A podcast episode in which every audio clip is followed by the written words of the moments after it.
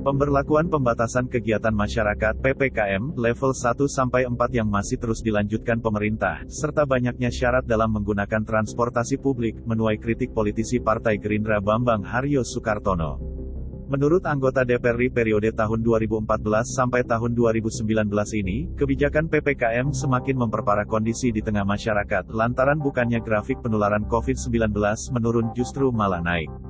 Saat kebijakan PPKM darurat dilakukan selama kurang lebih tiga minggu, penularan COVID-19 naik 1-2 kali dan jumlah kematiannya naik hampir 2 sampai dengan 3 kalinya dan saat PPKM itu dilonggarkan, level 4 dan turun hingga ke level 2 jumlah kasus baru menurun.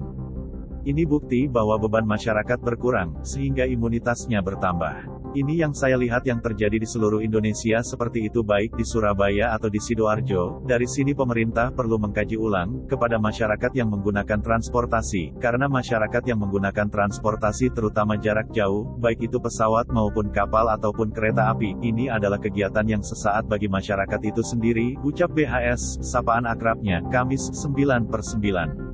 Sebetulnya, sambung BHS, pemerintah tidak perlu membuat kebijakan dengan persyaratan yang begitu ribet, toh mereka juga terpantau dengan KTP, jadi sebenarnya tidak perlu lagi menggunakan persyaratan yang double, misalkan vaksin dua kali, maupun PCR dan antigen.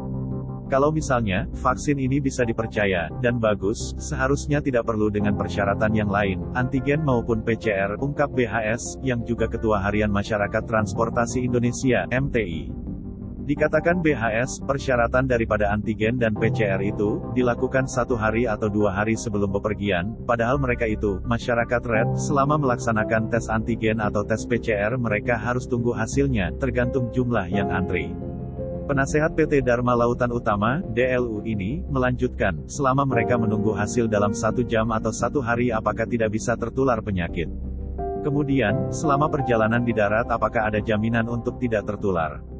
Ini tidak ada alasan bagi para pengguna transportasi publik harus antigen atau PCR. Karena, bisa saja mereka tertular dalam satu detik atau setelah itu.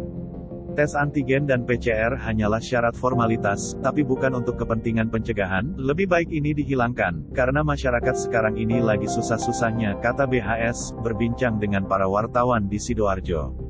Dia mencontohkan, seperti di negara-negara seluruh dunia, masyarakat yang gunakan transportasi tidak ada persyaratan tes antigen atau PCR melainkan hanya di termotes, cek suhu tubuh, hanya di Indonesia saja yang memiliki kebijakan berlapis. Kecuali, biaya antigen atau PCR dibebankan kepada pemerintah. Ini juga percuma, jika sumber pendanaan dari APBN, karena sama saja dengan menggunakan uang rakyat, tutupnya.